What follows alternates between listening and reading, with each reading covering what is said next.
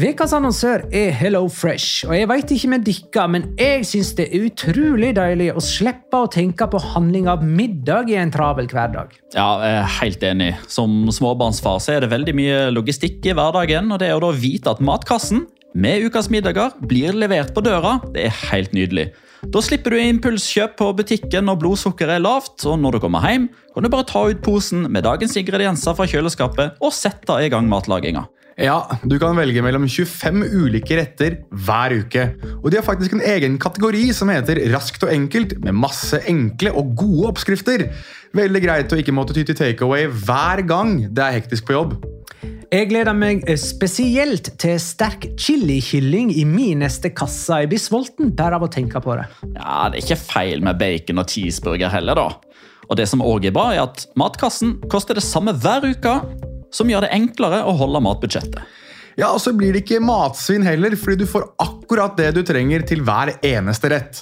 Hello Fresh kan absolutt anbefales, og bruker du koden vår, LIGALOCA, kan du få opptil 1779 kroner i rabatt på de fem første matkastene hvis du ikke har prøvd Hello Fresh tidligere. Du kan også prøve koden hvis du har avslutta abonnementet ditt for tolv måneder siden eller mer. Gå inn på hellofresh.no og bruk koden LIGALOCA.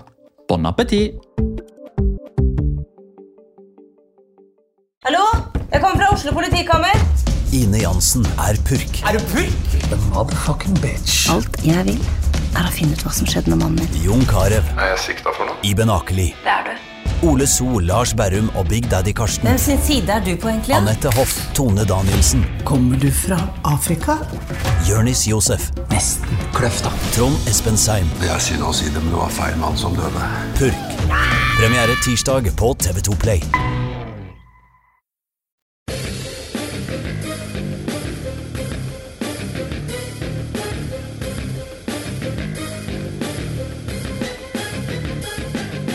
Har du sett? Barcelona var heldige som fikk med seg ett poeng fra Granada da Brian Saragossa sendte en og annen Condé i pølsebua.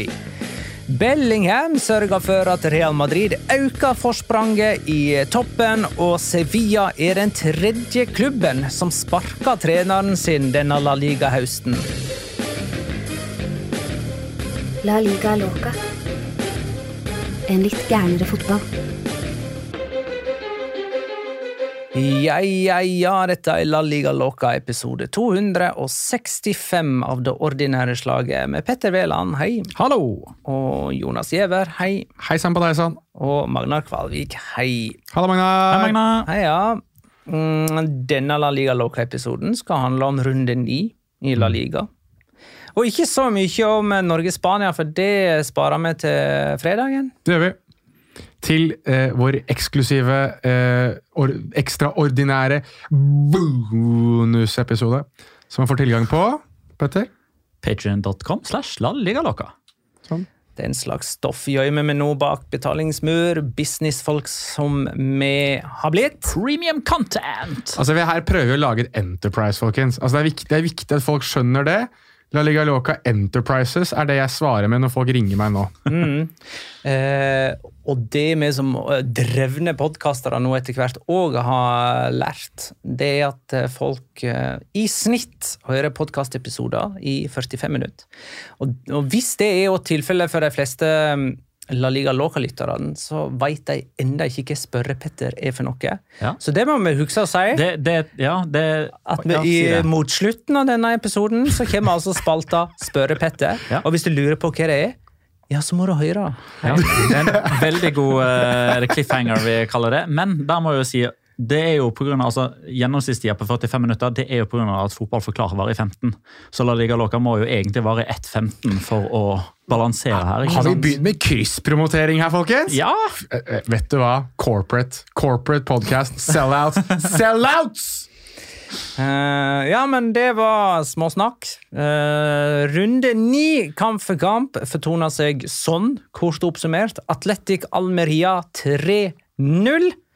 Eh, Atletic gikk med det forbi Bascara-rivalen Real Sociedad, som de tapte mot forrige helg. Eh, Cádiz Girona 0-1. Girona reiste seg etter tapet mot Real Madrid sist helg og står med sju seire på de siste åtte seriekampene. De er nummer to. Og her er det verdt å nevne at Girona nå har 13 poeng mer enn etter ni serierunder i fjor. Altså, De har allerede flere poeng nå enn de hadde etter halvspilt sesong i fjor. Flinke, de. Eh, Ganske. Real Madrid og Sassona 4-0. Eh, To nye skåringer av Bellingham, som har ti mål på sine første ti offisielle kamper for Real Madrid. Mallorca-Valencia 1-1. Valencia med fire på rad nå uten seier, siden de slo Atletico med 3-0 i midten av september. Sevilla, eh, Rayo Vallecano 2-2. Rayo leda 2-0. Sevilla kom tilbake og utligna langt ut i tilleggstiden, men det var ikke nok til å redde jobben til Mendy Libar, som fikk sparken dagen etter. Villarreal Las Palmas 1-2. Las Palmas hadde null bortemål før denne kampen. Eh, På La Ceramica skåra de to, og tok følgelig sesongens første borteseier. Atletico Madrid Real Sociedad 2-1. Vi skal ikke snakke om hens-regelen. Og nøye oss med å påpeke at Real Madrid Unnskyld, at Atletico nå har 14 strake heimeseiere! Som vel er tangering av klubbrekord, eller er det ny, eller Eller tangering, er ikke det? De tangerer hvis de slår Alaves neste. Har de 13 eller 14 strake? Jeg kom til 14. 14. Skrev 14. Ifølge Pedrito Numeros hadde de 13. Du skrev 14 selv på Twitter, i hvert fall. Ja. Eller X. Hva kaller vi det nå? Vi som er corporate. Twitter kaller vi det.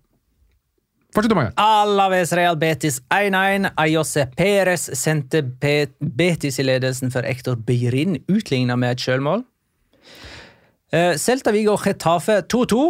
eh, På tross av Playa-skåring, eh, og på tross av at de fikk straffespark, og at de spilte hjemme mot Getafe, 11 mot 10 det meste av kampen, så klarte altså ikke Celta Vigo å vinne denne gangen heller. Granada-Barcelona 2-2. Barcelona er det eneste ubeseira laget, men uavgjort mot Granada føles likevel fort som et eh, tap. De er tre poeng bak Real Madrid på tabellen, ett poeng bak Girona. Vi begynner der, da. Kan jeg, kan jeg ta noe veldig kjapt før du begynner med kampen? Ja. Jeg synes bare det er greit å ha undergjort, for det det var, eh, det er vi har fått veldig mye spørsmål om hvor mange mål som skåres i La Liga. ja, det er bare å telle opp, eller hvor mange Og det er det noen som har gjort! Nemlig meg! Jeg har telt opp hvor mange mål som er skåret etter ni serierunder i La Liga denne sesongen. Denne serierunden fikk vi 30 skåringer totalt. Fordelt på ti kamper. Det er da tre mål per kamp. Vi har 259 skåringer totalt etter ni runder spilt. I fjor, altså 2022-2023, var det 232 skåringer. Se, det var, hvor mange var det nå, sa du? 200? 32 forrige sesong. 259 denne sesongen. Ikke så mange men flere, altså. 27 flere, i hvert fall. Det er én serierunde mer, det. Allerede etter ni. Det er en markant økning, Magna. I prosent. Så kan du jo ta 2021-2022-sesongen, bare for sånn sammenligningsgrunnlag. 191 skåringer ble det skåret etter ni serierunder da. Da snakker vi forskjell. Sesongen før der igjen 200 blank. Og altså da 2019-2020-sesongen 219 skåringer. Så eh, det er skåret mange flere! Og sikkert litt for mange mål i La Liga etter ni serierunder. Er ikke det litt barnslig å si at det er litt for mange og sånne ting? Ikke det helt ok? Det er jeg som prøver å jinxe slik at det fortsetter. Eh, tre ting som står igjen da etter Granada, Barcelona 2-2. Det ene var Brian Saragossa og hans to skåringer for eh, Granada. Det andre er Lamin Jamal, som skrev historie. Og det tredje er José Callejon, som fucka opp noe så fundamentalt før 2-2-målet til Barcelona. Og ellers så vil jeg sende en takk til Chris Robin Eriksen, som skriver Brian Saragossa sendte nok en kondé i pølsebua. Jeg lånte den i introen. Veldig bra. Ja. Nei, altså, Eh, men altså, ja, men altså han, han er jo faktisk ute i pølsebua en måned, han nå. Det er senskader etter det som skjedde i forbindelse med den skåringa ja. Kalles ankle breaker på basketballspråket. det der, Når du får en motstander til å falle over når du dribler dem på rumpa. Så altså, Jeg tror ikke ja. han datt på rumpa, faktisk. Hvis du Eh, tenker på 2-0-målet. Når du får han til å se dum ut, da, i så fall. Og det, Dårlig. Det syns jeg Han så dårlig ut. Herregud, så mye, på, så mye vi skal rette på her nå, da. Kan vi bare være enige om at eh, Brian Saragossa gjorde noe som fikk eh, Jules Condé til å se ikke så veldig ut. god ut i fotball, Ja. nesten falle på rumpa, og få vondt? Ja, men Brian Saragossa er vel god, da? eller? For Ja. eh, du, du har jo nevnt han før, Jonas. Ja. Nei, den skal jeg ha. ja, men la meg nå fortsette, da. Jeg satt faktisk på uh, Civitas Metropolitano uh, i serieåpningen da mellom Atletico Madrid og Granada. Og da var det en som satt ved siden av meg som sa Brian Zaragoza, herregud så spennende han er. Jeg sa det samme om Samo Omorodion. Ja, fram til nå, Petter, så var det, det var du som sa at Brian Saragossa så kjempespennende ut. Fram til nå så har du mer rett enn det jeg hadde, sånn i, i henhold til hvem som er mest spennende av de to. Men begge de to pluss Lamin Jamal kommer til å spille VM på hjemmebane i 2030. Ja, øh, Den som lever, får se. Ja. Uh, men Det er øh, litt lenge til, kjenner jeg. Ja, det er det. Men, uh, ball prediction. Ja, ehm, skal vi se Saragossa, Saragossa er er, faktisk- 22 år. La, han, han er landslagsgod nå. Han har blitt tatt ut i landslagstroppen. Han kan bli den første Granada-spilleren på 50 år som får spilletid for det spanske landslaget. Men var ikke det sånn påfyllgreia? eh, Det var fordi noen, eh, Jeremy Pino eh, ble skada. Mm. Ja. eh, Så Ansu Fati var kommet med òg. Ja, og det er sånn, det er sånn merkelige greier. Sånn, i rekke, altså, jo, men Det er av og til sånn som skjer på landslagssamling. Du tar ut en 23-mannstropp, så er det en som melder forfall, og han som kommer inn, som egentlig ikke var i 23-mannstroppen, han starter kampen, han! Og nå er det sånn, tok ut en 24-mannstropp, én mann ut, to inn. Er det er nok litt for sånn precaution på Lamin Jamal, som også er småskada. Ja, Han hinka litt rundt. Ja, og han ble, nå har de jo flydd til øh, Eller nå har han landet i Madrid, og han hinka rundt på flyplassen. Det er video som ligger ute på nettet av Lamin Jamal. Ja, men før vi går til han, så kan vi vel nominere Brian Saragossa, da, kanskje? Ja, altså, ja, det kan vi. Eh, Det er min nominasjon til runden spiller. Og det mm, Jeg tenker at der kan folk se høydepunktspakka hans fra den kampen her, som ligger ute på La Liga sine sider på YouTube. Altså, Den, den andre skåringa hans er det er noe av det villeste jeg har sett noensinne, tror jeg, av en fotballspiller. Altså, altså Fra et lag som er markant dårligere enn det Barcelona er. da, og Hvordan det å drite ut et helt lag nesten egenhendig Ja, Og en ting hadde det, vært, altså, hadde det vært Marcos Alonso eller Sergi Roberto som hadde blitt stående igjen og sett latterlig ut, så hadde det vært én ting, men Jules Condé det er noe annet. og Marc-André Ter Stegen. fordi det jeg synes er det kuleste med hele den skåringa, er at etter å ha driblet seg vei inn til rundt fem meter, så velger han å ta én skuddfinte til. Og da bare plassere Marc-André Ter Stegen i ett hjørne, og Jules Condé som så vidt liksom har klart å halse seg opp igjen, nesten. Og så bare legger han den i mål med venstre istedenfor. Det er altså, det er så, så pissing at det, nesten, det skulle nesten ikke vært lov. Jeg er ganske sikker på at i, i 47 amerikanske stater så har du ikke lov til å se den videoen der, med mindre du har sånn parental advisory-tillatelse. Eh, De tre statene som tillater det, Nevada, Alaska og Hawaii, så vet dere det. Eh, Um, det første målet til Saragossa kom etter 17 sekunder, eller er det mål til kanskje 16 eller 18 eller et eller Nei, annet? det er 17 som er det offisielle. Tidenes kjappeste Granada-skåring i eh, La Liga, og tidenes kjappeste innslupne fra Barcelona i La Liga-historien. Og det raskeste i La Liga siden Juanmi, han som kun skårer mål, i april 2019 for fortsatt da Malaga mot Eibar. Eh, Og Barcelona med to nye baklengsmål hadde ti baklengsmål etter ni serierunder. Eh, ti baklengsmål det hadde de først etter 31 serierunder forrige sesong. Trist dag for Malaga, da. Så mister både den eh, Juanmi altså Det er jo ikke en rekord, for det har jo blitt skåra tidligere. Joseba Llorente etter åtte sekunder er jo rekorden, men Malaga mista jo den og Fabrice Olinga sin status som tidenes yngste målskårer i La Liga. Den mista du jo òg i samme kamp. Ja. Til Lamin Jamal. For det at uh, Lamin Jamal, som hadde sin siste sjanse til å ta sjanse. den rekorden, han uh, gjorde det med en skåring. Ja. Uh, det er 16 år og 87 dager, og så var vel Fabrice Olinga sånn 16 og 90 et eller annet. 98, tror jeg. 98, ja det er sånn 11 dager eh, Ja. forskjell, men pga. av Og neste landslagsveka kamp er om så sånn 12-13. Ja. Så, men eh, expected goal på den skåringa der, da? 0,99? Det er Jeg- siste touchet til Stella, vet du. Jeg, skulle, jeg skulle til å si det Magna var inne på, scoring Lamin Jamal. Det er liksom litt sånn Jeg tror ikke den kommer til å gå på noen sånne highlight reels over eh, de mest fantastiske han har scora. Nei, men det er jo en highlight. Det er- Eh, ja. For det er hans første La Liga-mål. Og det er en, eh, altså, 16 år og 87 dager. Det skal godt gjøres å slå det. Så, Det er, og garantert, Fabrice, det er noen som kommer til å slå den. For det, Jo, det her men Fabrice Olinga sin har jo stått i elleve år. Ja, men eh, jeg syns alle sånne rekorder bare blir tatt eh, fortere og fortere. og fortere. Nå Luca Romero uh, i, uh, i Mallorca der. Har du, hørt, har du hørt mye om han siden, eller? Nei, Vi trenger ikke høre noe om han siden, så lenge han klarer det. De bytta han innpå for å ta den rekorden. Kan vi ikke bare være så ærlige om det? Ja? for Mokoko i Dortmund. Har ikke hørt noe særlig til han etter det heller. Men han var jo poenget er god. at Ja, ja, men da har du jo muligheten for at han er både god og dårlig, da. Romero og Det har ikke så mye å si. Mokoko. Eh, Poenget er at det er veldig mange sånne som liksom kommer opp og fram, og så er det noen som blir kjempegode, så er det noen vi aldri hører men mer du skal jo score et mål her òg, ikke Ja. sant?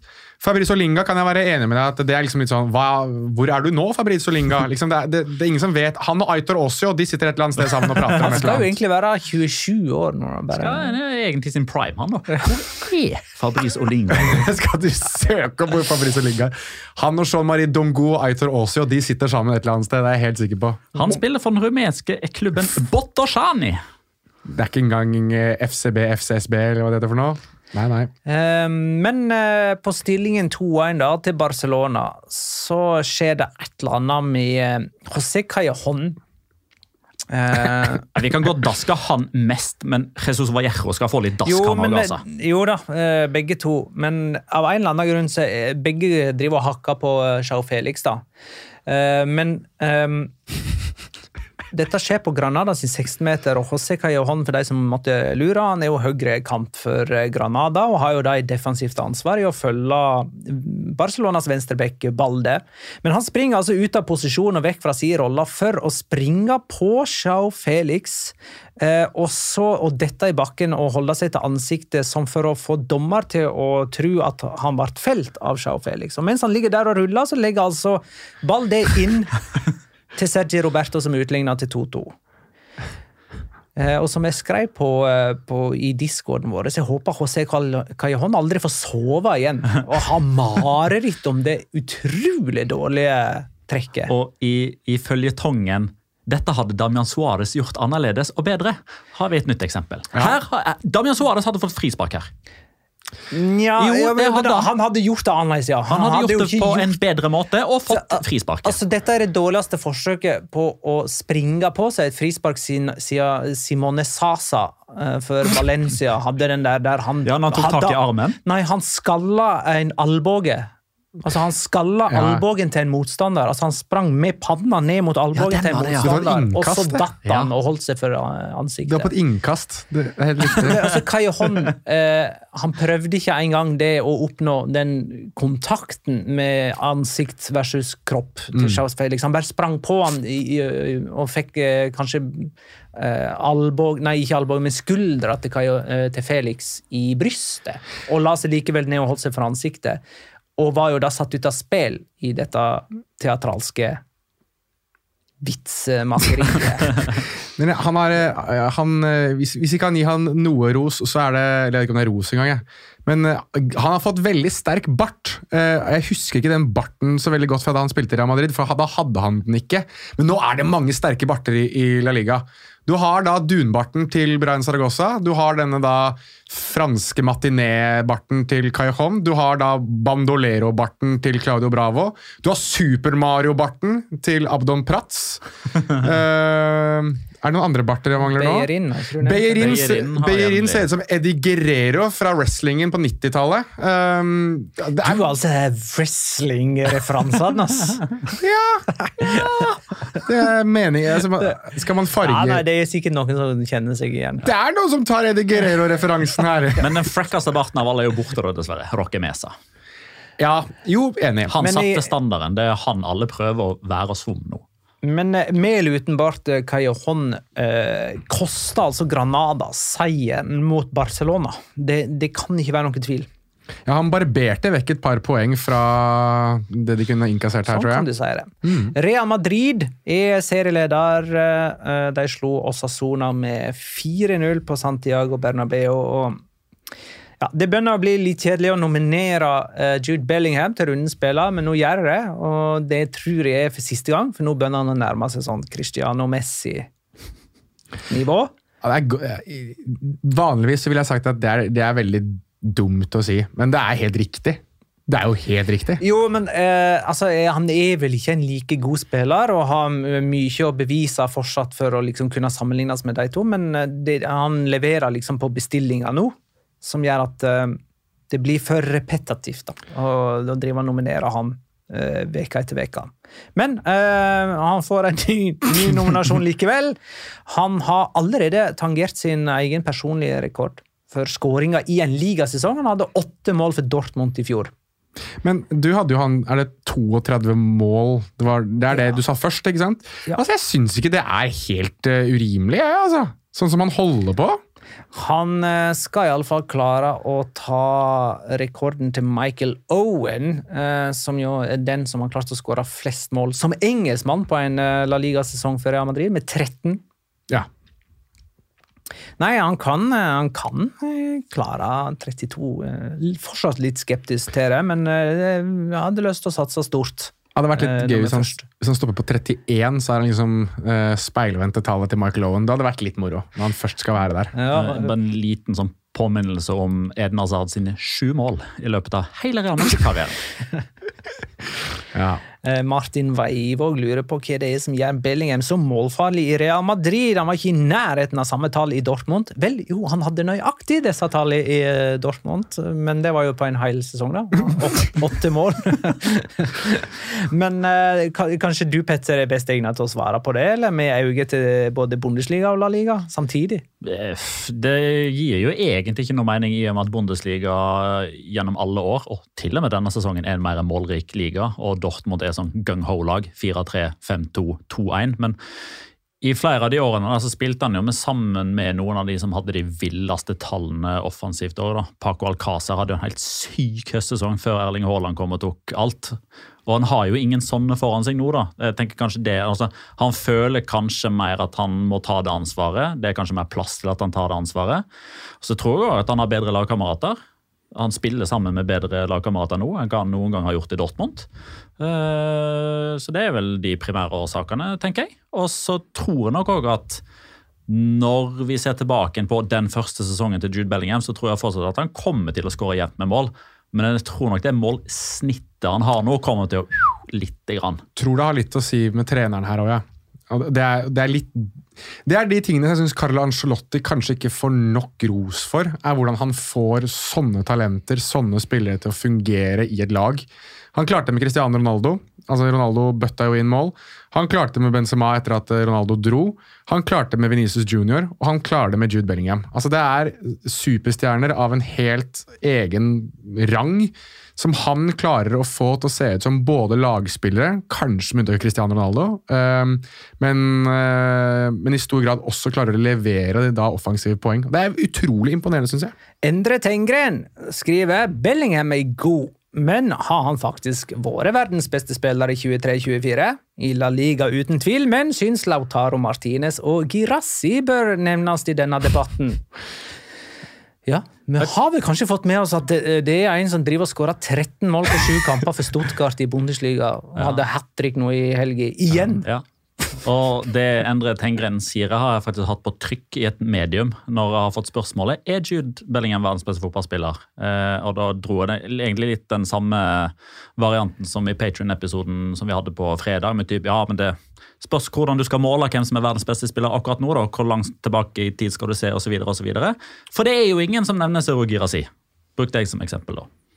Så ja, helt enig. Så Du mener at Girassi er verdens beste spiller akkurat nå? Nei, det var ikke. Mener du at Jude Bellingham er verdens beste spiller akkurat nå? Det, det, er det er ikke så lett å bare mene det. Jo, det er det. Jeg mener at Jude Bellingham er verdens beste spiller akkurat nå. Med tanke på hva han betyr for et lag, og hvordan han vipper kamper. Martinez betyr en del for Intras. Ja, altså vil jeg ha tatt til orde for at ja, selvfølgelig det er lett å la seg blende av mål, men hvis du ser på et lag med og uten, Rodri i City ja, Han er helt oppe, han òg. Mm. Men jeg syns Jude Bellingham er litt bedre.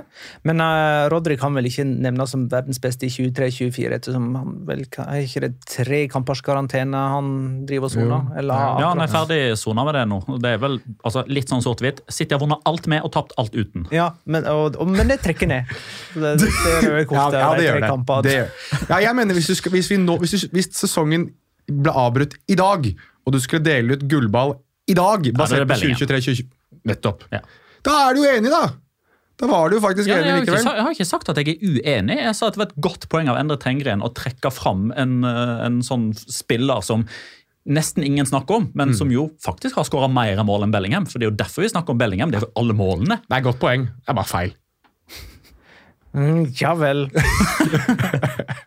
Eh, vi ta denne fra Ørjan? Tror vi at Ancelotti får fornya tillit til Real Madrid ved sesongslutt, eller blir det Alonso eller noen andre som tar over? Vet du hva? Jeg tror Chabi Alonso nå er så heit eh, at hvis Real Madrid tenker at sommeren 2024 er vinduet der Chabi Alonso enten går til de, Real, eh, Bayern München eller Liverpool, så kommer de til å hive Ancelotti på dør som de kasta Pellegrini på dør når Mourinho var ledig i sin tid.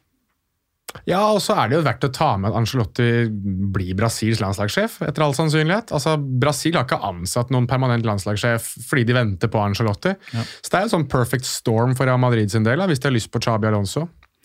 Ja, eh, Hva betyr perfect storm? Nei, altså, det, hvis, hvis det stormer, eh, så er det perfekt. Nei, det, det det betyr, er at det er det, er det perfekte tidspunkt, da. Altså Ok, det er det du mener? Ting bygger opp til det. Oh, ja, sånn, ja. Men eh, kult. Eh, Abrahamsen skriver favorittkeeperen vår, Sergio Herrera, redda straffe og jubla triumferende mot Real Madrid-fansen på stillingen 4-0. Hyllest må til!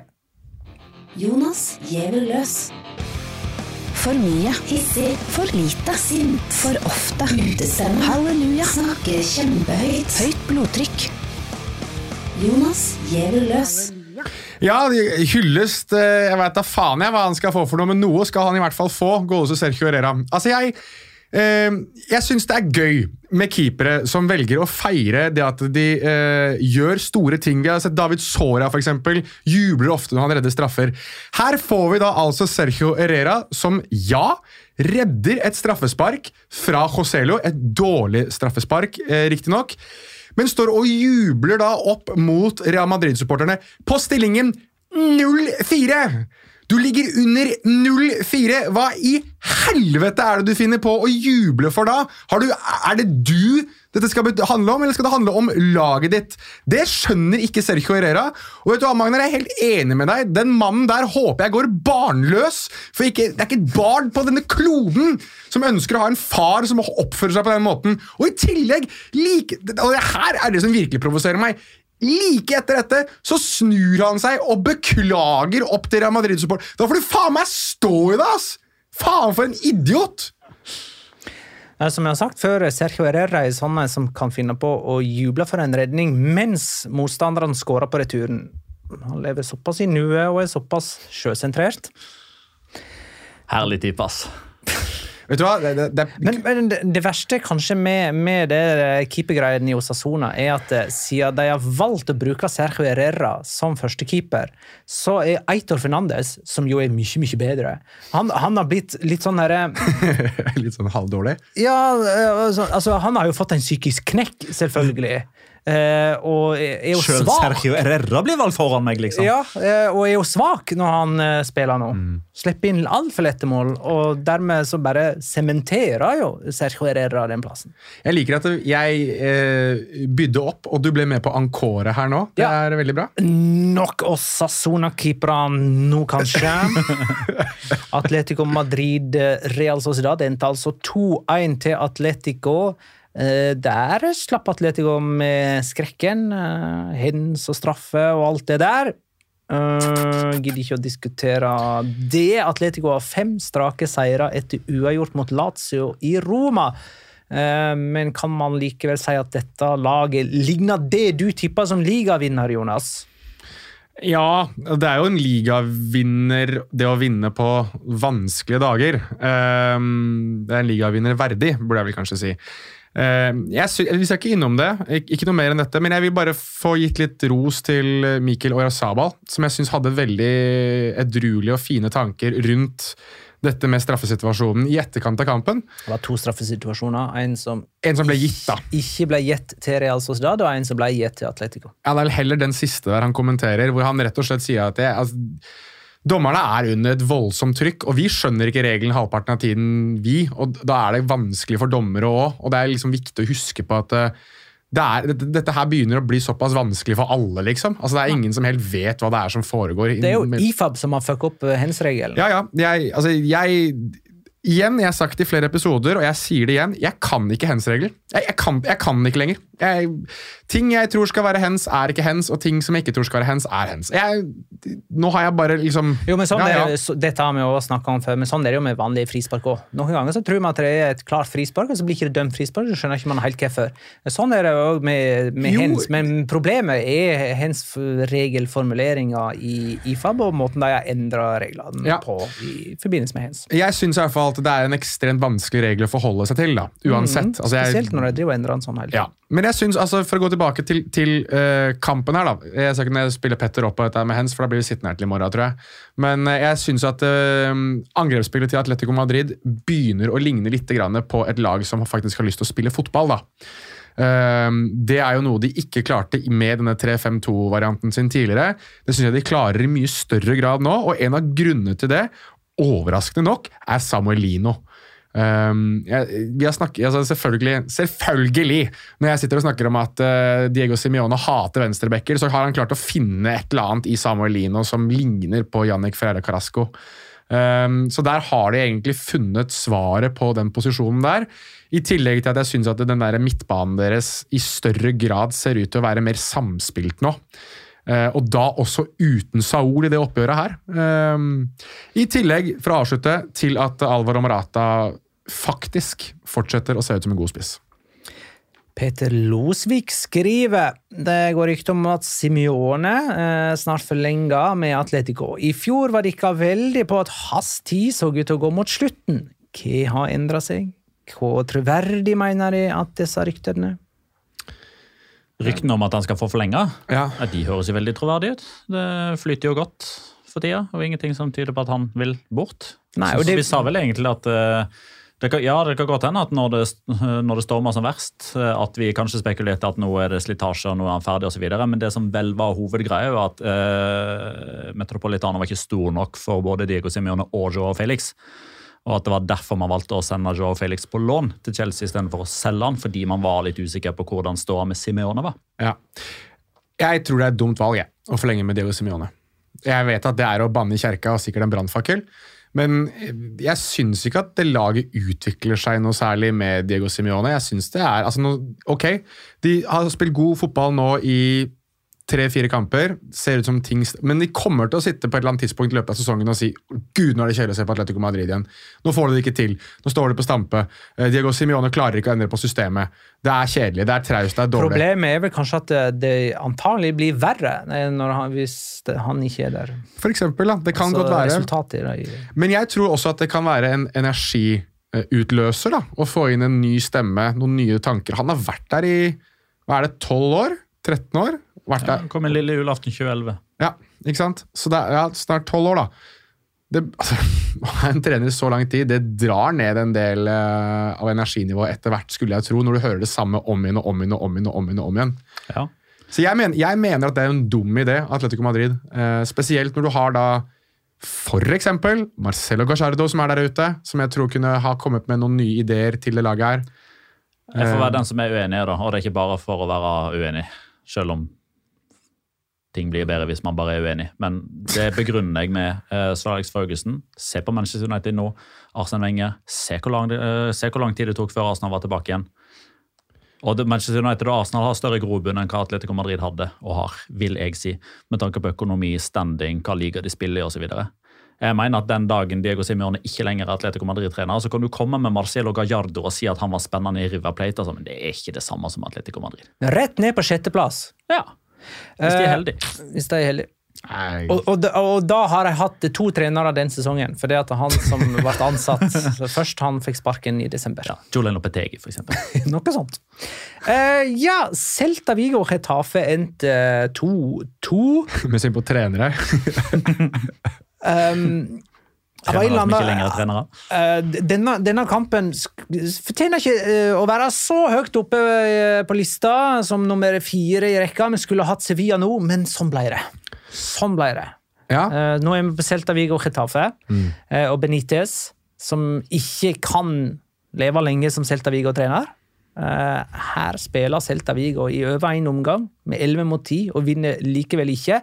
Jeg så Pedrito Numeros med en statistikk på Benites Benitez sine siste 23 kamper. Så står han med tre seire. Han er to med Everton og én med Celta Vigo. To seire med Everton skal du faen ikke kimse av, altså. Nå, det har blitt der nå, så er det et poeng. Nei, altså jeg ehm, hvis, Nå går vi inn i landslagspause, og vi alle vet jo at i landslagspauser så er det jo ganske vanlig at trenersparkingen kommer. Um, I egentlig alle ligaer, men spesielt i Spania. Hadde du spurt meg hvilket av disse lagene, altså av de 20 lagene i La Liga er det mest sannsynlig at kommer til å sparke treneren sin så fort vi kommer inn i landslagspause, så hadde jeg sagt Celta Vigo uten å tenke over det to ganger. Det er altså Det er virkelig nitrist altså, å se på Celta Vigo. Altså Spesielt defensivt. De får det ikke til å stemme. altså.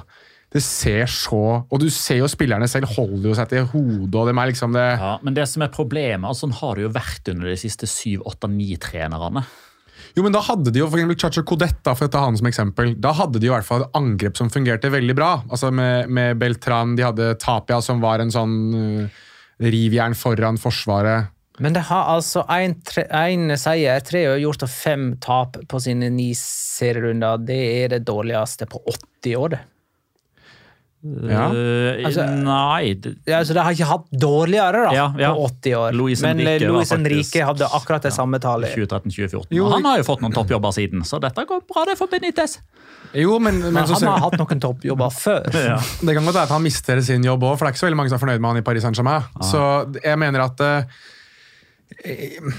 Rafael Benitez eh, Det er jo litt sånn gøy, fordi at Rafael Benitez og José Mourinho hata jo hverandre en gang i tiden, og nå er de begge to utdaterte, altså i måten de trener fotball på. Jeg, jeg er enig. Eh, og så har jo jeg vært på det der med at eh, Benitez har garantert eh, jeg, sett, sett dette komme. så Han har antageligvis forsøkt å få inn en veldig sånn lukrativ sluttpakke som gjør at det kanskje sitter lenger inne og, og hiver han. Altså. Men eh, men én ting skal han ha da, i et forsøk på å finne årsaker til at det ikke har stemt for eh, Rafa Benitez, det er jo at Jago Aspas er inne i tidenes uflytperiode.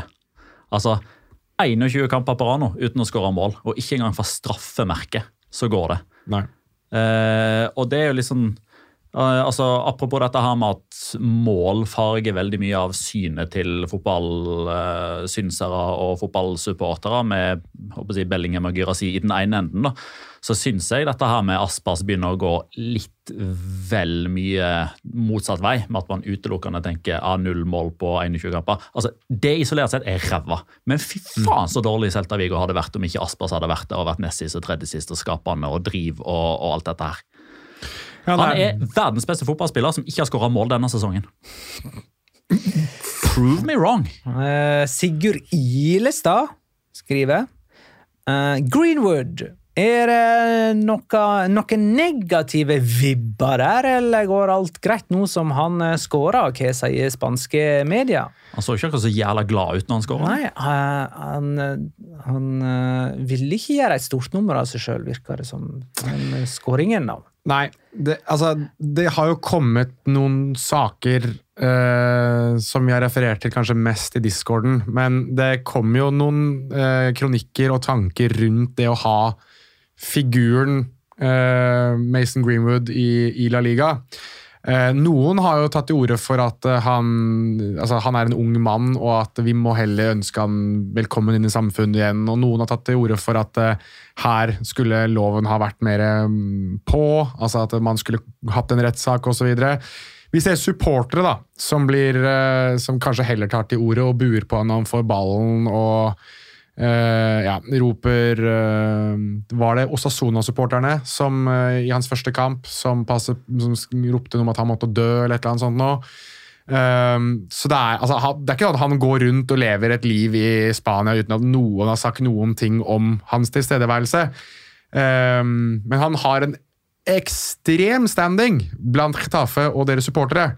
Det er verdt å ta med. Altså, De elsker han, og da mener jeg elsker han. Sånn som, altså, han kan fise i motvind, han, og det gjøres til en svær greie.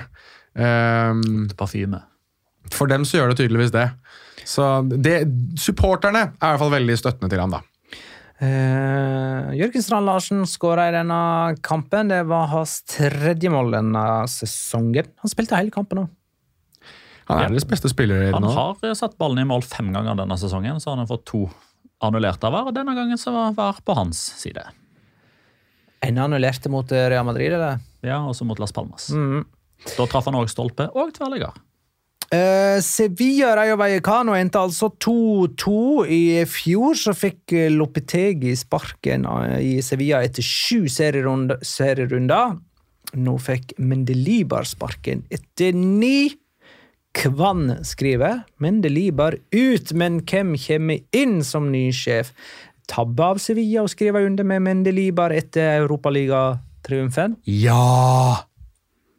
Litt vanskelig å la være òg, kanskje. Eller sånn. Jo, men, det, jo, men der ble de bonde på begge hender. Altså, Det skal han ha, José Luis Mendelibar. At han optimaliserte sine egne muligheter for å bli værende i Sevilla. Ikke bare ved å vinne Europaligatrofeet, men å uttale seg sånn som han gjorde når han sto med. Altså Han sto med Europaligatrofeet. Han, ga- han ga Europaligatrofeet en god klem og sa at ja, nå skal det mye til for at jeg ikke får ny kontrakt eh, på pressekonferansen etterpå.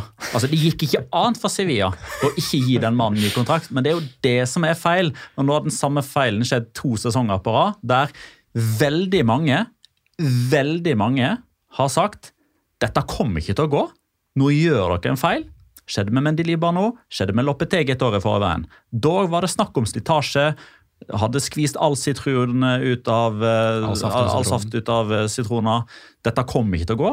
Og så kommer vi til oktober-november, og så innser de ok, greit, dette går faktisk ikke. Og så er det liksom bare den eh, negative spiralen som man ikke kommer seg ut av. Eh, Serafian eh, skriver landslagspause er like godt eh, tidspunkt for byting av trenere. Kan de kalle ikke sportssjef for hver deres klubb? Eller for hver klubb de kan mene bør sparke nåværende trener og ansette den de vil ha inn? Så da er vi i gang med Sevilla, da. Eh, Vi mener jo de burde sparke trener. Eller i alle fall. De kunne ha droppa det å signere med Mendelibar i sommer. Hva om de heller hadde gått for Iraola? For eksempel, Ja. i Må han sommer. få fyken først, da. Ja, i, men, Men i det- sommer. Ja, ja sånn, ja. Uh, men, uh, men ja, hva med å kjenne sin besøkelsestid og så rett og slett uh, invitere Iraola til Sevilla, så kan han liksom si til Bournemouth sånn ah, Shit, jeg har fått et kjempetilbud fra Sevilla. Så kan de si sånn Å, så synd, da. Vel, lykke til og gratulerer. Ja, ja, Litt sånn som da Lopetegi ble sparka fra Sevilla inn i trenerjobben i Wolverhampton. Ja. Stemmer det. Nei, altså, jeg eh, Jeg prøvde å leke litt med den tanken her nå i går. eh, Hvis vi skal begynne med Sevilla, da. Altså, den, den jeg tror får jobben, den jeg tror får den Ja, det, det sa du. ja, Tror du at han Sier det, da! jeg tror tror at Marcelino får jobben. Nei, det tror ikke jeg. Jo, jeg tror det. Jeg tror ikke Marcelino er aktuell. Jeg tror ikke Loppetegi er aktuell av de to som er ledige. Og det er pga. at de har vært der, fått fyken, samme folkene som er der. Dårlig stemning. Ja, Marcelino har jo ikke Altså med tenker jeg på åh, Hjelp meg, hva heter han igjen, da? Eh, Victor Orta. Ja. Jeg vil jo tro at det kanskje potensielt sett vil hjelpe han litt. da, Ja, At, det kan, det at det er en annen sportssjef. men det er samme president og det er samme styre og det er de samme folkene. Det er de samme som bak. også hentet Sergio Ramos tilbake, og som så han forlate klubben nå, og som sa at de måtte Nei. kjøpe et fly. Pepe Castro var ikke der i Han var 2005. ikke så langt unna. Han var, han var, var langt unna. Han var i gang. Delmido som Han var i gang. Uansett da, Husker vi hvem Victor Otta var med på å ansette for ikke så veldig lenge siden i en annen klubb som er ledig nå? Javi Gracia. eller Javi Gracia. Tipper det blir han, jeg. Ja, ja, da. Ja, det er jo, Han har vært nevnt. Så, ja, og det er den reaksjonen til. Sevilla-pause.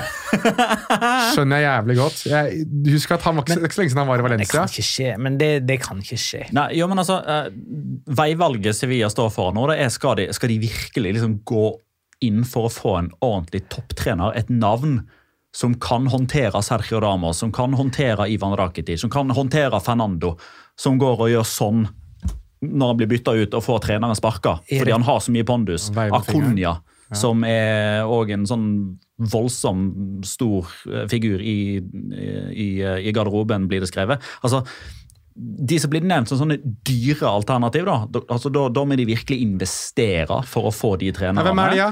Antonio Conte, André Villas Boas. Fy faen! Hvorfor blir ikke Bielsa nevnt? Han Fordi han er jo uruguayansk landslagssjef. Ja, det er han nå. Han er litt for gammel nå til å ha to jobber samtidig, sånn som på FM. Men, men begge de du nevner er jo helt ubrukelige. Du kan jo like godt ta Havi Gracia, da? Jeg tror Antonio Conte ville gitt dess... Utrolig deprimerende. Antonio Conte ville gitt mening, da. Ja. Nei. Jeg tror Conte hadde vært bra i. Sevilla. Men uh, vi skal ikke helt se vekk ifra at Villarreal kommer til å ta opp kampen om Havi Gracia-signaturen etter hvert. eller? Ja, for nå, dere kan få Nei, det er ikke lov det, men ta to eh, lag i samme sesong. Hvis ikke kunne dere fått Pacheta av oss.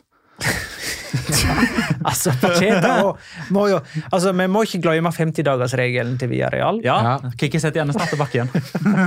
Nei, men hvem er det, hvem er det som kunne tatt over Villarreal? Altså, Villarreal, hvis vi skal tenke på at de er sånn Raúl!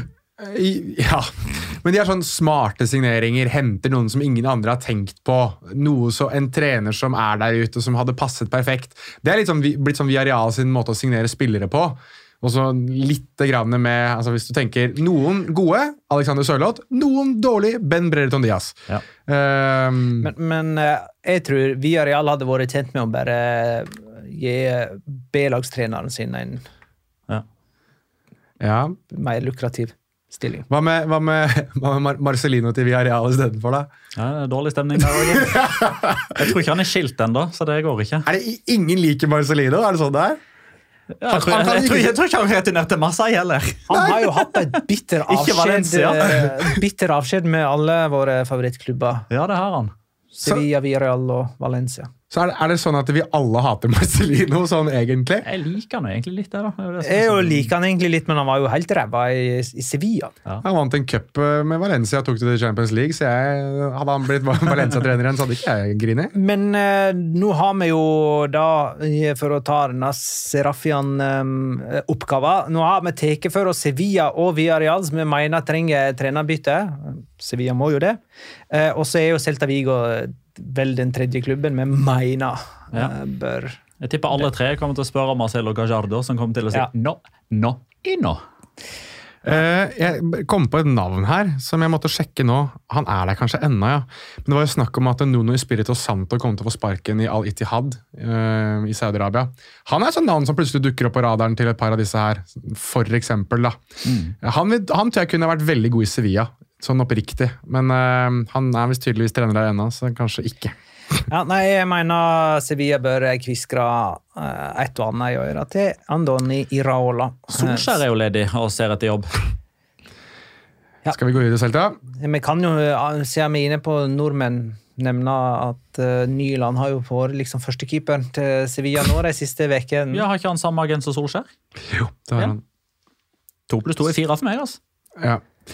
Eh, Celta Vigo. Eh, der skal man jo litt lenger ned, da. På altså, Rafa Benitez var jo et stort navn. De henta noen fra Argentina uansett, så Altså, Nei, de, de, de ser til Portugal igjen, de nå, vet du. Hvem er det som er Portugal som kunne tatt? da? Det er ingen av disse topptrenerne. Spirito Santo eller Villas Boas. da. Kanskje Villas Boas ser på Celta Nei, Vigo som en mulig trampoline. Slutt, da. Det gidder jeg ikke. Det er Cesualdo Ferreira. Å, Kjempebra i Malaga. Å, oh, herregud. Jesualdo Ferreira. Skal ikke hente tilbake han der eh, Miguel Cardoso eller hva han heter for noe igjen? da? Han Ja. der eh, Mikro-Midas-typen. Ja, eller han som var der eh, på tampen av forrige sesong. Carvalhall. Altså, I en perfekt verden så er det jo Antonio Mohammed da, som tar over klubben igjen. Det, det hadde jo gjort meg veldig glad, men det kommer ikke til å skje. Sevilla har ikke starta dårligere siden 99-00-sesongen, og da rykka de ned. Villarreal har ikke starta dårligere siden 2011-2012, og da rykka de ned. Ja. Ja, ja. Og Las Palmas, som altså skåra to mål Og Valencia har færre poeng nå enn på samme tidspunkt forrige sesong, så de rykker ned. Ja, Det blir jo kjempespennende nedrykkstrid med, nedrykksstrid med Sevilla, Villarreal og Valencia. Hva gjør vi hvis, hvis alle lagene La våre Segunda rykker Loca. ned? La Segunda Loca! Men eh, jeg, jeg må jo bare få nevne dette, da, i forbindelse med Viareal Las Palmas. Jeg har fått en melding fra Mikael Bjerkan. Den 8. mai var jeg sikker på at direkte opprykk var ute av bildet. Han er Las Palmas-fan, altså. bare sånn for, for å ha sagt det. Men jeg tenkte at det var like greit, ettersom han ikke klarte å slå B-laget til Viareal engang. Da har ikke man noe å gjøre i premiera. Denne runden så vinner altså Las Palmas 2-1 borte mot A-laget til Villarreal, og det er fire poeng opp til Europa. Ja. Eh, Så igjen, jeg, bare nevner det. Hvem er B-lagstreneren til Villarreal opp? Ja, det bare å opp med en gang. Jeg får ta med, mens jeg er inne på Las Palmas-supportere, de er ikke sånn fryktelig mange, men Frank Konde Tangberg, som jobber i Amnesty i Norge, er også svoren Las Palmas-fan. Eh, han er vel halvt spansk, jeg tror faktisk han er halvt uh, fra Kanariøyene. Så han uh, sender meg meldinger når Las Palmas gjør det bra, pio, pio, hele tiden når de får det til. Så det, de er faktisk et par, og jeg syns det er litt gøy at det, det dukker opp litt Las Palmas-supportere her og der, nå som de gjør det litt bra. Ja, jeg, tipper, jeg tipper det er flere som har i alle fall sympati, som kanskje har vært på en kamp når det har vært Ja, jeg har sagt- Arginegin dagen før sagt det mange ganger, at man må, altså, Las Palmas opp er kjempeviktig for La Liga-interessen i Norge. Så det her er jo veldig moro. Eh, Det endte 1-1 mellom Mallorca og eh, Valencia, og Petter var inne på det. Valencia har tre poeng mindre nå enn etter ni serierunder i fjor, og de berga plassen. Var det to poeng de var over nedrykksstreken eh, til slutt? Um, det var et eller annet Valencia drev og klaga på på Twitter eller på X. Ja, de skulle ha straffe. Ja, de mente de skulle hatt et straffespark. Og igjen, jeg jeg syns sånt er pinlig da, når liksom klubber skal legge ut stillbilder. liksom, uten noe, altså De bare legger det ut uten kontekst liksom, og skal sutre og grine og klage.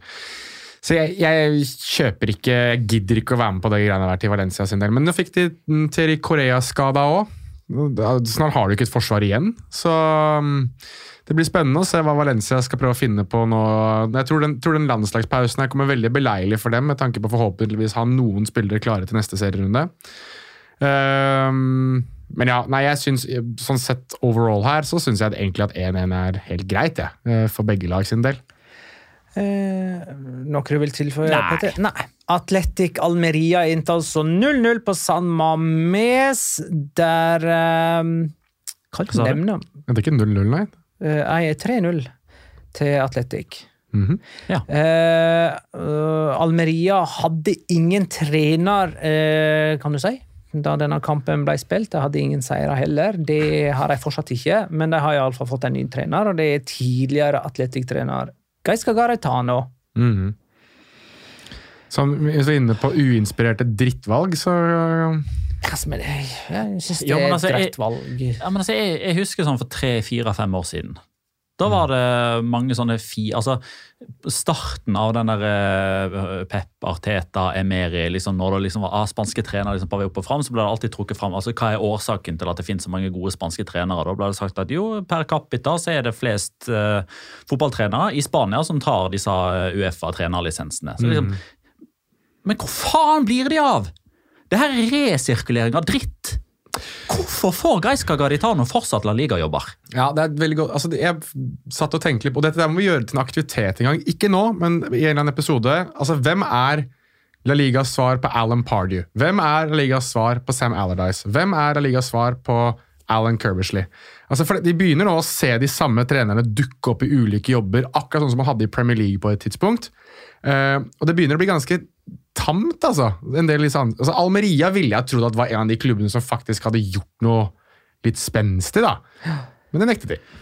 Gaisca Gaditano gjorde en god jobb med Eibar første gang han var der. Det er åtte-ni år siden. Etter det så har han fått fyken i Valladolid, han har fått fyken i Deportivo, han har fått fyken som B-lagstrener i Atletic, og så kom tilbake igjen og tatt over midlertidig Atletic. Fått en liten oppsving en sesong, endte opp med å få fyken der òg. Klarte ikke å ta Eibar tilbake til La Liga.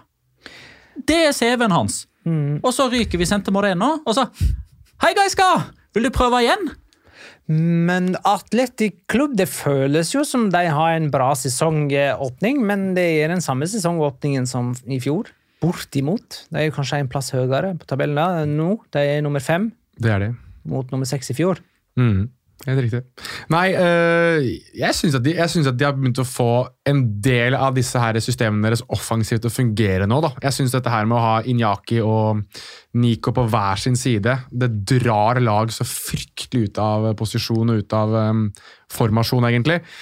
Og så har det liksom, Vi har snakket litt tidligere om at eh, hva er egentlig Atletic? Sånn, hva kan vi liksom ta som ting som Atletic alltid har hatt? Alltid hatt en god keeper, har jeg hatt inntrykk av. Alltid hatt en solid keeper.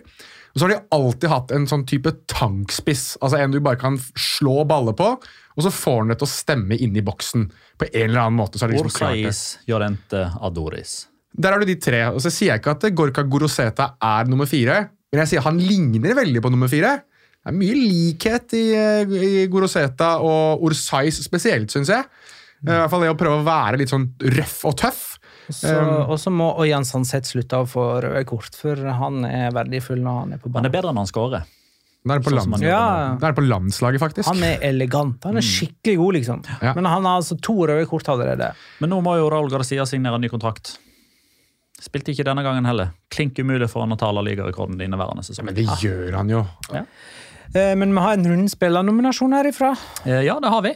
Eh, jo, men det er Danny Garcia, det. Eh, og det er rett og slett fordi det er en, det er en gammel, eh, trofast, eh, sliten tjener som gjør mye grovjobb og drittarbeid. Eh, og man skulle nesten tro at han ikke hadde liksom Særlig sånn Ok, hva gjør jeg nå når jeg skårer mål? Fordi han skårer jo sitt første Atletic-mål nå i kamp nummer 192. Men han visste, han visste så godt hva han skulle gjøre. Det var å banke seg på brystet og peke opp på familien der de satt. Så det, det altså, du har liksom, Noen ganger så har du liksom sånn du, Det var vel en nå Var det Ålesund eller sånn? Det var en som fikk kritikk for ikke å feire. for Han skåra sitt første mål i Eliteserien. Han var liksom, ja, men har jo aldri gjort det før. vet ikke hva jeg skal gjøre. Danne Gazia han hadde planen klar. Da eh, kåra vi Brian Saragossa. Brian Saragossa til rundspiller, og så er det tid for Locora! Ukens La Liga Locura. Locura. Locura. Locura. La Liga Locura. Ja, eh, da skal vi tilbake igjen til Celta Vigo mot Retafe. Eh, fordi det som skjedde i den kampen, det var jo sinnssykt mye. så det er jo en, Den første omgangen i seg selv er Locora. Den tikker absolutt alle boksene. Eh, men eh, det som er min Locora, er at Retafe har altså da brukt kun ni serierunder på å klare følgende bragd. Samtlige spillere i Asdalen har fått gult kort. Samtlige spillere har fått gult kort. Fordi andre keeper, Daniel Fossato, har ikke spilt. Louis Mia har ikke spilt. Alle de 21 andre Enes Unnal har heller ikke spilt. Alle de 20 andre har fått minst ett gult kort etter at Carles Alenya og Nemanja Maksimovic fikk sitt første mot Celta. Alle sammen! Det er noe svært få lag klarer i løpet av en hel sesong. Ni runder. Og så er det tre serierunder på rad med rødt kort i Getafe-kamp nå. Men ikke alle den røde kursen har gått til Getafe. Faktisk de færreste. har fått... Ja. Ja, Jonas, vær så god. Jeg kan holde meg i den kampen her, jeg, da. Uh, og det, vi skal innom da innbytter Juan Iglesias, som eh, Jeg husker ikke helt hva det var som skjedde, men han ble jo liggende og holde seg til skulderen, uh, og måtte da bytte ut igjen. Ehm, men det er jo noe som så ut som en skulder slått ut av ledd, og det, det har vi sett før, og det er vondt, det. Jeg har hatt skulder ut av ledd, det er helt grusomt. Men det som så skjer, er noe av det rareste, mest bisarre og mest eh, locora jeg har sett. Fordi dette det medisinske apparatet til Getafe bestemmer seg for at den skulderen der, den skal vi rive på plass igjen, vi. Her ute, foran alle sammen. Så det de gjør, er at de tar med Juan Iglesias borte ved reklameskiltene, ber han om å legge seg sånn halvveis over. Han ene på det medisinske apparatet legger seg da på baksiden av det reklameskiltet, mens han andre står og holder fast i Juan Iglesias, og så river de i skulderen hans og håper at det skal få den på plass igjen. Det klarte de visst tydeligvis, da. Vi klarte det til slutt, men ikke med den der hengemanøveren. Nei, men de sto altså og Altså, Det var 'gubben og gamla lå og dro'. Det var liksom det de holdt på med. Men det var bare ikke rota. Det var skulderen til Juan Iglesias. Det er altså noe av det villeste jeg har sett på lang, lang tid. Ja. Eh, Min locora skjedde egentlig for mange år siden. Jeg fikk en påminnelse nå, denne helgen.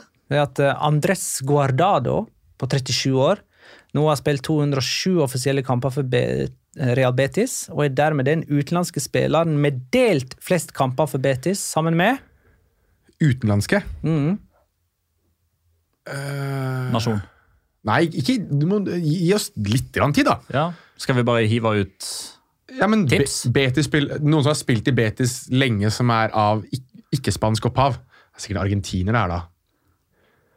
Er det en, Ja, som, er, er det en vi har sett? Det er en vi har sett, eller? Ja, absolutt. Ja. De Nilsson? Nei. Riktig. Åh! Ja.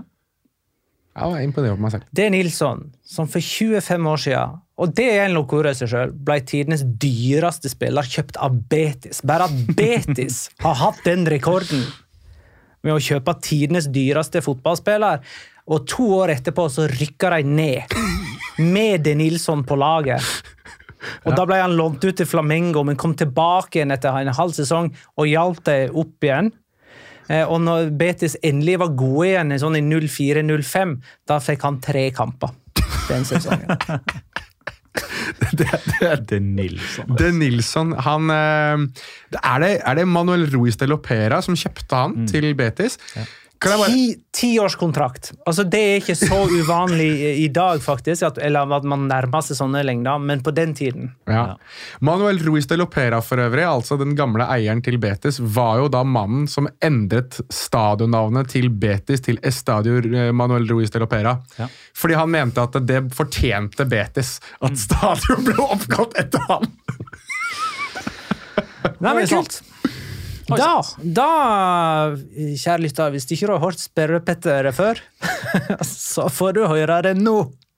Pregunta-Petter, Spørre-Petter, intrikat, vrient, vanskelighetsgrad, kjempelett, gruble, nei forresten, tenke lenge, statistikk, historie, fundere, nyttige fakta, pass, unyttige fakta. Spørre-Petter. Tusen takk. Eh, og da skal vi tilbake til min eh, nominasjon av rundens spiller. Vi skal tilbake til Dani Garcia. Fordi som sagt så skåra han sitt første Atletic-mål i sin kamp nummer 182. Det betyr at han nå ikke lenger er den spilleren i La Liga som har flest kamper for sin klubb uten å skåre mål. Det er det nå noen andre som er.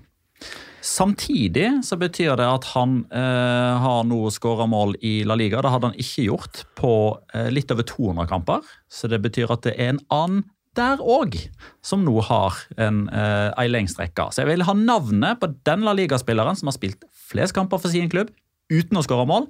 Dette er selvfølgelig utespillere. Det er snakk om, det er ikke snakk om keepere. Og den som har flest La Liga-kamper på rad uten å skåre mål. Aktiv rekke. To stykker. Eh, Ja, ok. Um, hvem har vært lenge altså, Jeg tenker at her er vel sikkert forsvarsspiller. Det må jo være Men hva med Andres Guardado? Ja, det, han tenkte jeg på med en gang, faktisk. Uh, nei, det er ikke han. Um, Andres Guardado han har skåra fem mål for Real Betis. ja, Man har ikke lengst rekke heller, liksom, uten å score. Jeg husker ikke sist gang jeg jo noen Nei, Andres Guardado har skåra mål i kalenderåret 2023. han.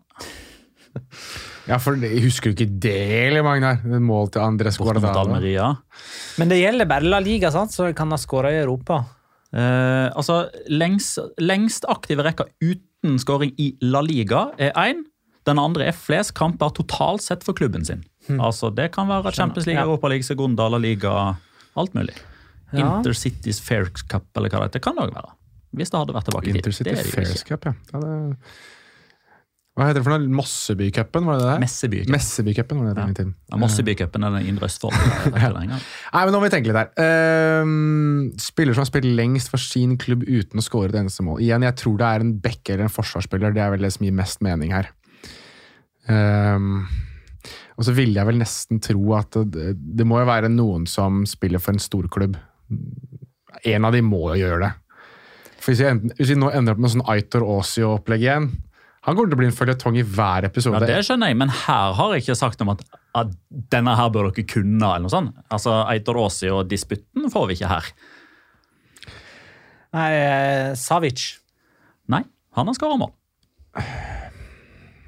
Kan være for Real Men, Madrid? men, men så det er rett og slett en som ikke har skåra i det hele tatt. Han, har- han har null mål i, for sin klubb. Det er et I- premiss i spørsmålet. Han har spilt dette her.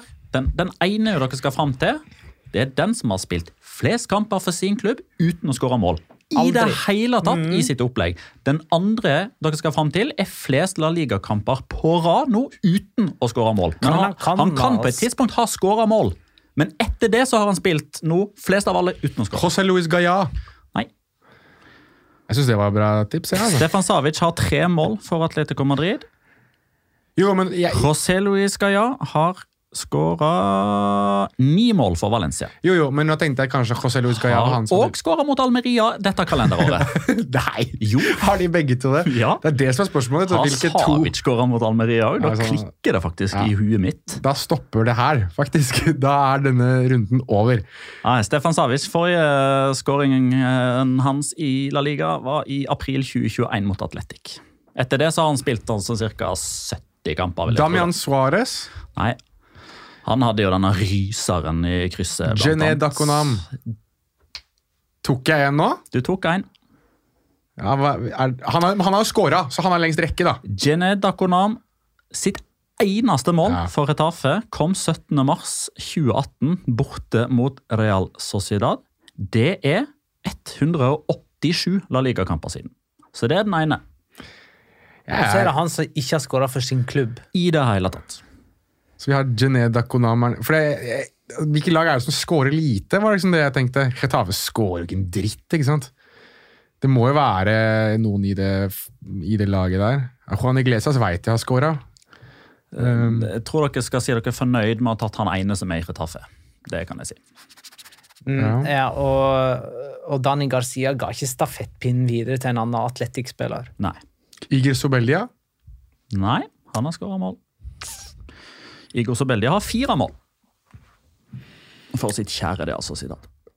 Uh, Ayen Munoz tror jeg også har scora, men han har ikke spilt så mange kamper. Han har ett mål Ja. mot Panaderia i Copa del Rey. Oh, ja, så Copa del- oh, ja, nå er det totalt, ja. Ikke sant? Alle turneringer i sin klubb.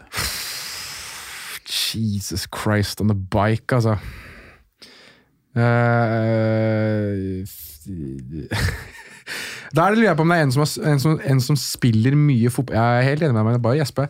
Uh, da lurer jeg på om det er en som spiller mye fotball, men som spiller for et lag som Altså et av de store lagene, uh, men da spiller i forsvarsleddet til eh, laget. Ronald Araujo, for eksempel. Han har skåra. Ja, jeg skulle tro det. Han har skåra sju mål. Oi, er det så mange? Til og med skåra i El Clásico. Ja, det har han faktisk. Um, Eddie Militao har skåra. Har du noen forslag, Magnar? Nei. Men eh, her er ikke det sånn at dere bare har x antall forsøk. Her gjetter vi til dere har det. Følger Mendy. Nei, han har skåra. Han har skåra fem mål. han. har Bartra skåra for eh, Betis, da? Det har Eh, ikke spilt det så lenge. Han har vært så Han har fram vært og der i to etapper. da. Jo, Mark Bartra han har også skåra sju mål. Uh, kan det være en i Via Real, da? Raúl Albiol? Raúl Albiol har skåra fire mål. Aysamandi vet jeg har skåret selvmål, men jeg vet ikke om han har skåret uh, Jo da, han har to i riktig bur òg. Han har vel to i feil bur òg. I hvert fall. Ja, og åtte straffespark imot. Og... Men er det en back? Nei. Er det en stopper. Nei. Altså, det er ikke en forsvarsspiller. Da er det jo, da skal jeg slutte å tenke på en som spiller stoppepar osv. Det er jo litt deiligere. Nei, det er ikke det, for nå er det flere spillere å velge mellom. For det er jo midtba altså, midtbanespillere er jo Kan ikke være en spiss. Men eh, Rodrigo de Paul eh, han har skåra. Han har det. Men han er dårlig, liksom. Han har skåret- han har også skåra sju mål. Alle dere foreslår har skåra sju mål. Åh. Han er ikke sånn kjempedårlig, altså, men skuffende etter de forventningene jeg hadde. Han skåra mer i Odinese. Ja, Marcos Llorente skåra mot Liverpool, så han har det ikke. Nei, Marcos Jente hadde jo 14 mål i Nei, en ja, samme han jo. Ja, stemmer det. Han hadde jo en helt enorm sesong. 23 mål har Marcos Jente. Kokke har skåra, Saul har skåra Kåke har 47 mål. Ja, jeg, Saul har 46. jeg går nå bare gjennom Jeg bare holder praten i gang jeg, med å Ja, si okay. hvor mange de har skåra. Vi må snart runde av, og Ja, vi eh, må, vi må ha får noe hint her. hint her nå. Søramerikaner Ja, det hjalp oss jævlig mye, eller? eliminerer vel ca. 90% da? Ja, sør... Uh, Mauro Arambari. Nei, han har skåra mål. Ganger seks. Uh, Søramerikaner Fernando. Han er nevnt med navn tidligere i episoden. Ja, jeg sa Fernando. Han har skåra sju mål. Herregud, han er nevnt med navn. Ja. Er han, sånn, er han en brøyte Ja. Fernando Tapia? Renato Tapia. Renato Tapia er riktig. Renato. Han har spilt 99 målløse kamper for Celta Vigo. Hvorfor sier jeg Fernando? Det er en eller annen jeg har kjøpt på FM, jeg er helt sikker på det. Renato Tapia Er, um, Jeg har hørt Fernando Tapia før. Kult. Det er en meksikansk eh, fotballspiller. det. Veldig bra. Da er vi eh, tilbake på Patreon på eh, fredag. Takk for at du lytta, kjære lytter. Ha det, da.